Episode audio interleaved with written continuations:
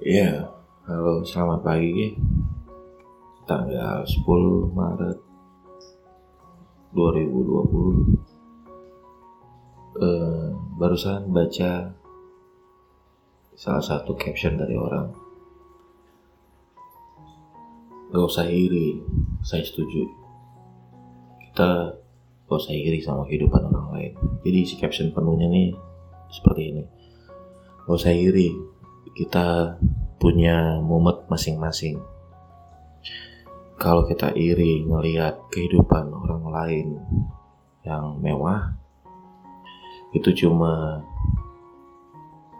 uh, mumet yang dirayakan dengan meriah. Jadi kalau kita ngelihat hidup orang lain itu lebih mewah, itu pasti mumet yang lagi dirayakan dengan meriah gitu katanya. Saya setuju sih. Karena kita punya mumet dengan porsinya masing-masing. Kenapa caption ini.